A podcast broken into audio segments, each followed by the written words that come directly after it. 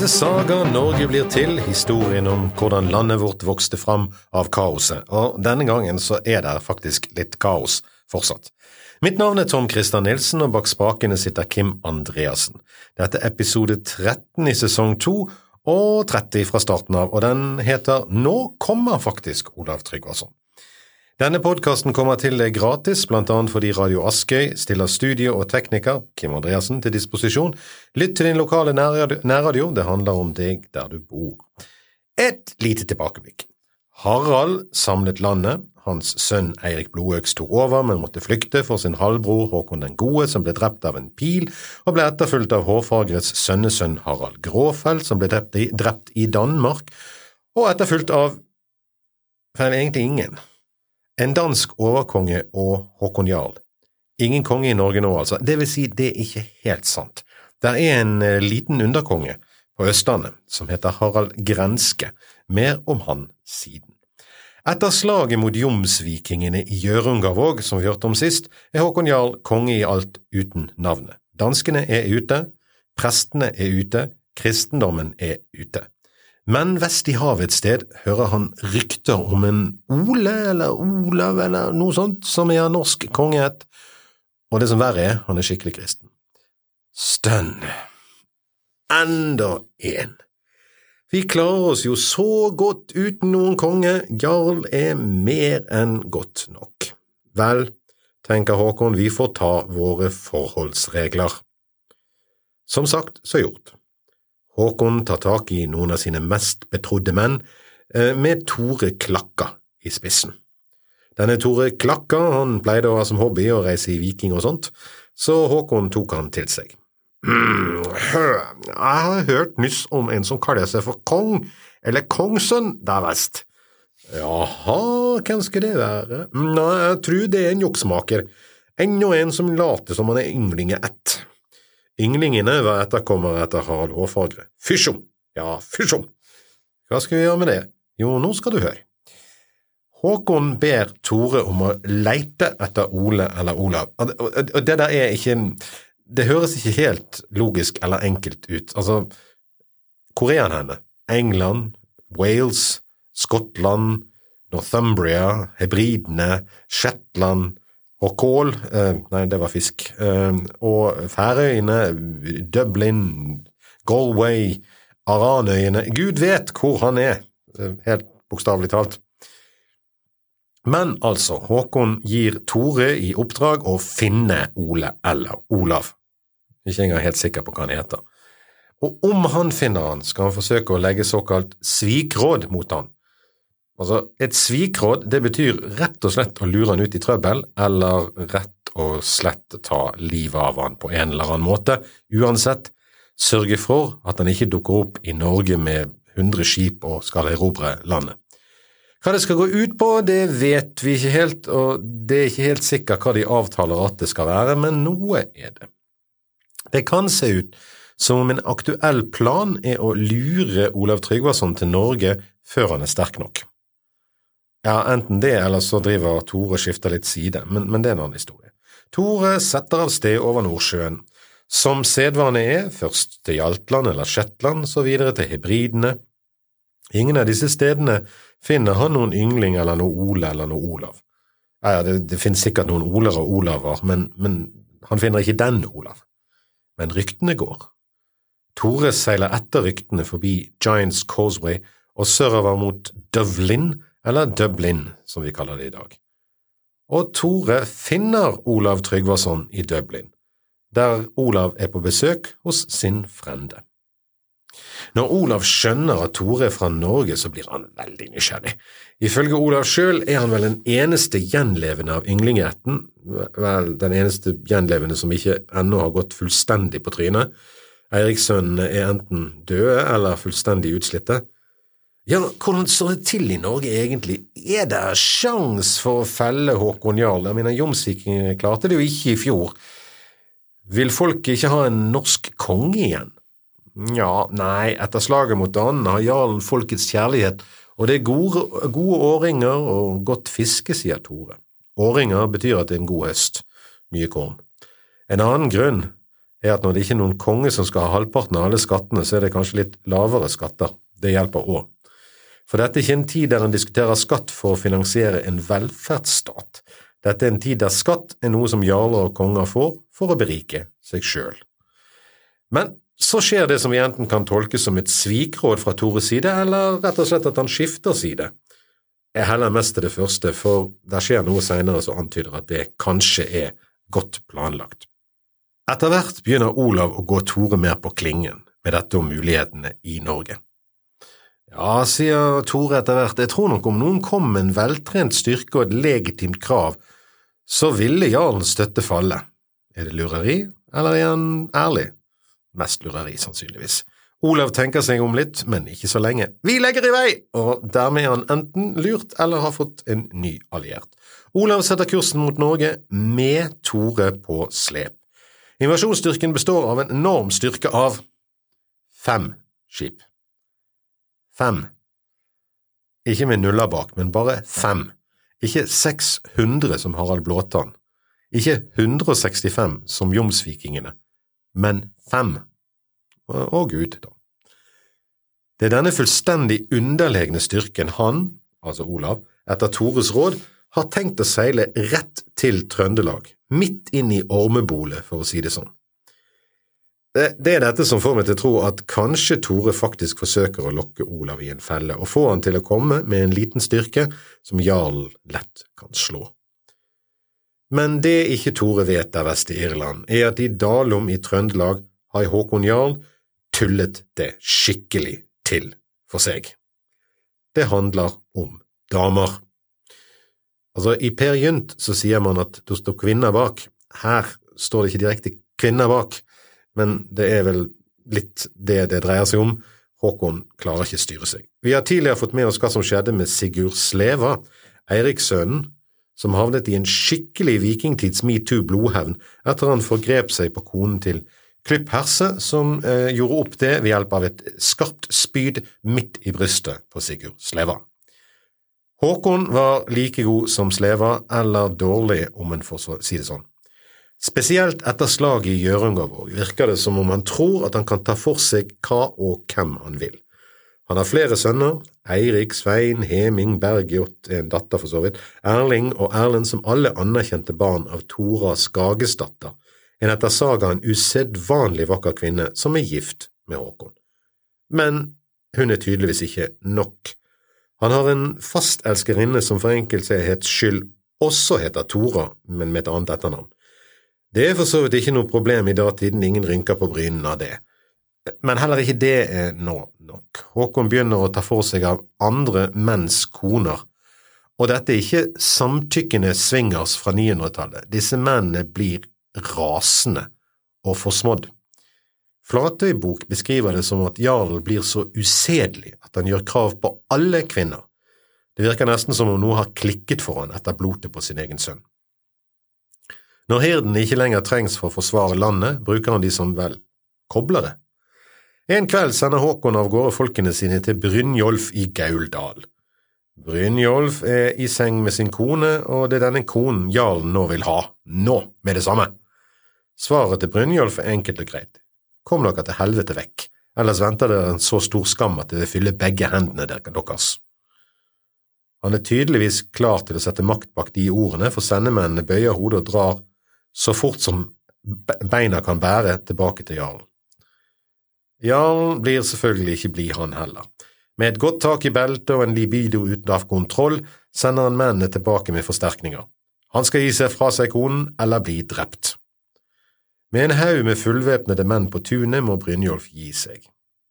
Jeg har ikke nok menn mot dere denne gangen, men bare vent.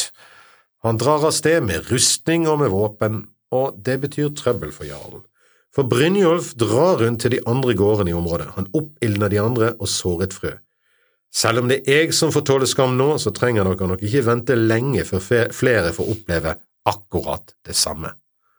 Og han er sannspådd. Litt seinere er jarlen på Veitsli Gauldal og blir kåt igjen. Det kan virke som han nå har begynt å spørre seg for hver gang han er på fest om hvem som er den vakreste møyen i området, og sender folkene sine ut for å hente henne. Det er også en måte å markere makt på, skammen faller over de mennene som ikke klarer å forsvare sin kone. Men det ulmer nå i Trøndelag, i dette æresbaserte samfunnet. Den eneste måten å gjenopprette æren på, er å drepe jarlen, og det er en farlig situasjon for jarlen. På Veitsli Gauldal får jarlen nyss om en usedvanlig vakker kvinne. Den vakreste av alle kvinner, faktisk. Gudrun til Orm Lyrja. Orm og Gudrun er ikke tapt bak en vogn. Når jarlens treller kommer for å hente konen, ber de de rett og slett til middag, og trekker ut tiden i lange, lange drag. Nja, jeg vil ikke motsette meg det, sier Gudrun, men jeg blir ikke med om han ikke sender Tora og Romol etter meg.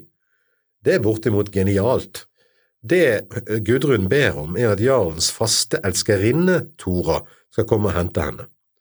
En kan jo forestille seg hvor populært det hadde vært hos Tora, og hvor mye jarlen måtte svi for det. Det kunne bli dyrt. De mette og trøtte trellene blir sinte, men de er tross alt treller. Vi skal komme igjen, og da skal dere få angre. Men ekteparet vet jo at mette og trøtte menn går saktere enn eh, sultne menn, så mens trellene snegler seg tilbake, gode og mette, sender Gudrun og mannen straks ut hærpil til de omkringliggende gårdene. Og nå har folk rett og slett fått nok. For mange menn har opplevd det samme. For mange menn har faktisk opplevd det samme. Eller så er de redd for å oppleve det, og det stemmer også for mange koner og døtre. Dermed svares hærpilen med mobilisering. Folk tar til våpen. Til og med der jarlen er på Veitsle kommer nok hærpilen, og jarlen skjønner at noe er i gjære når stemningen brått skifter og han møter skulende blikk og vikende stemmer. Det skaper så mye oppstyr at jarlen får høre det, og skjønner at her står det om hans eget liv. Hans lille hird denne kvelden kan ikke stå imot alle disse bøndene som nå samler seg i områdene rundt. Håkon jarl, Norges egentlige konge, rømmer til skogs. Han sprer hæren sin fordi han tror de alle har større sjanse til å komme seg unna hver for seg. Han tenker nok at dette opprøret vil være kortlivet. Hvem vil vel våge livet i kamp bare for en vakker møy? Ja, det er vel det samme Paris sa han da han røvet den fagre Helene og startet den trojanske krigen, den med trehesten til Odyssev som varte lenge, lenge, lenge. Håkon flykter med trellen Kark på slep. Det er et dårlig valg. Eh, men det er kanskje en grunn til det, for Kark har tydeligvis en superkraft. Eh, det vil si, han tror han har det, og jarlen tror det også. Kark er på en måte synsk, tror de. Ikke synsk nok, skal det vise seg. Mens de to forsøker å sove på flukt, drømmer nemlig Kark, om ikke akkurat store drømmer som Ragnhild til Harald Hårfagre, så i alle fall symboltunge drømmer. Men der oppe i skogen må vi forlate Håkon og Kark, for inn fjorden kommer Olav Tryggvason. Maken til flaks går det nesten ikke an å ha. Han kommer inn fjorden med usle fem skip. Husk at jomsvikingene gikk på trynet i fjæren ved Gjøringavåg med 165. Fem skip er alt Olav har, og det hadde vært en lett match om ikke kåtpeisen Håkon hadde ødelagt alt og havnet ute i skogen med Kark. Men alt er ikke tapt ennå. Kanskje kan Håkon komme seg hjem igjen og reise inn her, men som sagt, vi må forlate de litt nå. For det er jo en liten konge til i Norge, altså en underkonge av danskekongen. Harald Grenske, de som husker godt fra tidligere episode, vil ha med seg at Harald Grenske var det andre kongsemnet som var med Harald Blåtann på hans 600 skip når han kom til Norge. Harald Grenske kaller seg faktisk konge, hva han er konge over, er litt uklart, men mest sannsynlig et utvidet Oslofjordområde som underkonge til danskekongen. Men like fullt en konge. Han står ikke i den norske kongerekken, der er det Håkon Jarl som dukker opp, men like fullt en liten konge. Normalt ville han lett kunne benyttet anledningen.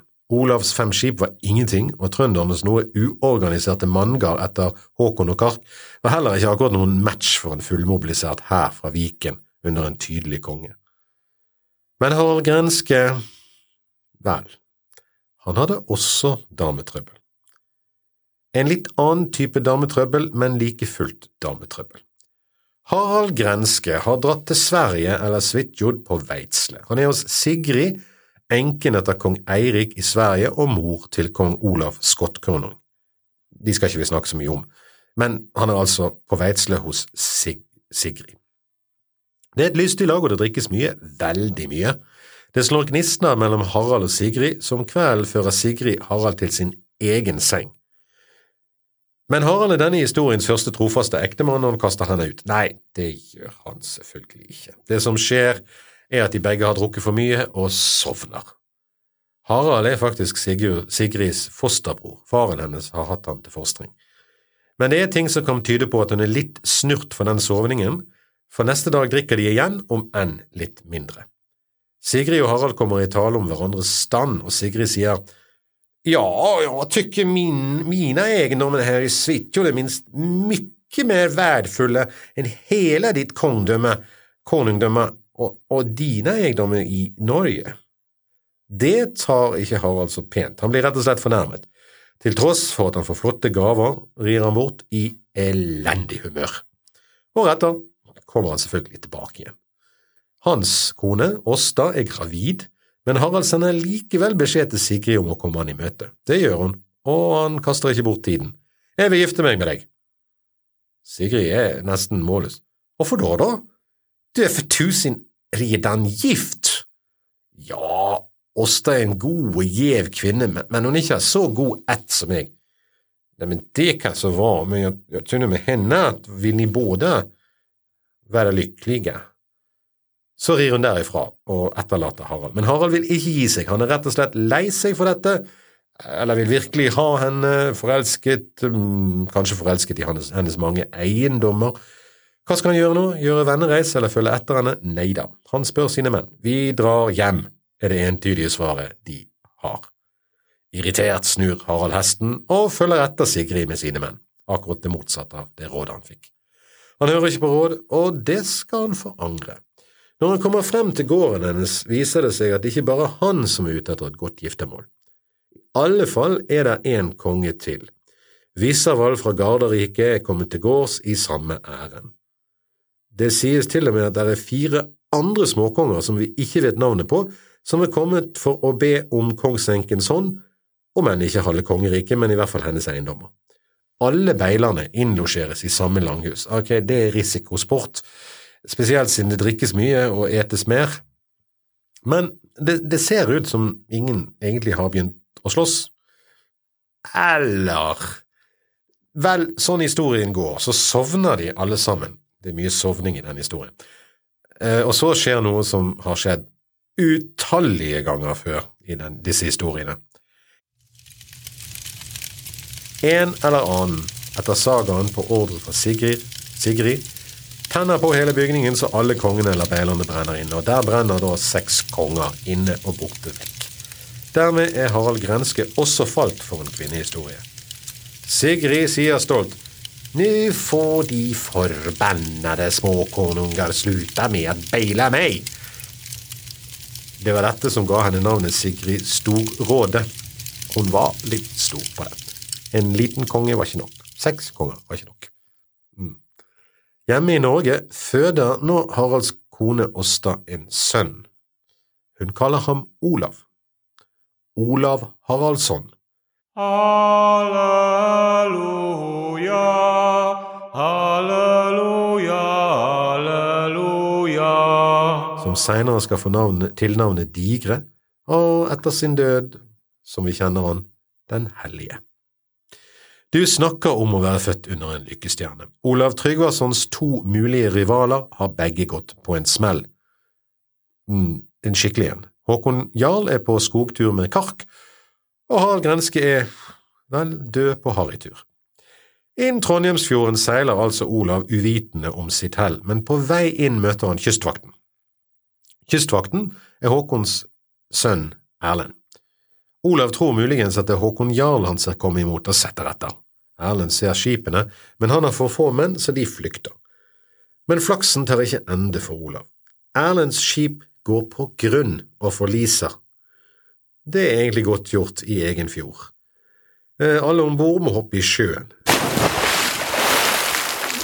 og svømmeegenskapene er ikke de beste, så Olav kommer nærme skipet sitt og ser en ualminnelig staselig kar i vannet. Da tar han styrepinnen på roret og løsner den og kaster den sporentreks i hodet på den staselige mannen. Han treffer grusomt og godt. Den knuser skallen til Erlend, som blir borte i bølgene. Og dermed er kystvakten overvunnet. Eh, nå får også Ole, Olav vite hva som er fatt, og at Håkon Jarl er et eller annet sted i skauen på flukt fra, flukt fra bøndenes manngard. Nå viser Tore Klakka hvor hans egentlige lojalitet ligger. Dere vet han som Håkon Jarl hadde sendt vestover for å legge svikråd mot Olav. Han hadde overtalt Olav til å komme til Norge ved å late som om Håkon hadde lite støtte. Plutselig hadde det derimot gått troll i ord, og han blir veldig bekymret nå, denne Tore, for det, dette var en strek i regningen. Han har med seg to medsammensvorne, og nå legger de planer om å drepe Olav før de kommer helt inn i Trøndelag. Men de to medsammensvorne får samvittighetskvaler, eller kanskje ser de at Håkon Jarl ikke lenger er en mann det er fornuftig å binde sin skjebne til, så de røper hele greien til Olav. Nok en gang har han flaks, og det er Tore Klakka som får svi istedenfor, og må dø. Nå slår Olav Tryggvason seg sammen med de trønderske bønder i jakten på Håkon Jarl. Skal Håkon likevel komme seg unna, og kanskje mobilisere Møre eller Vestlandet mot Olav? Fem skip er ikke akkurat noen uovervinnelig styrke, selv med litt halvhjertet støtte fra trønderske forsmådde ektemenn. De leiter, men Håkon er som sunket i jorden.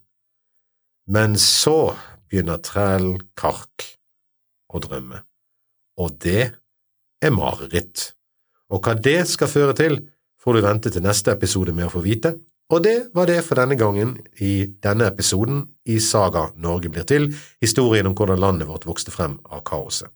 Dette var episode 30. Nå kommer Olav Tryggvason Mitt navn er Tom Christer Nilsen, og bak spakene sitter Kim Andreassen. Du kan sende spørsmål eller kommentarer til tom.christer.gmail.com, og neste gang får vi vite hvordan det går med Kark og Håkon der oppe i skauen.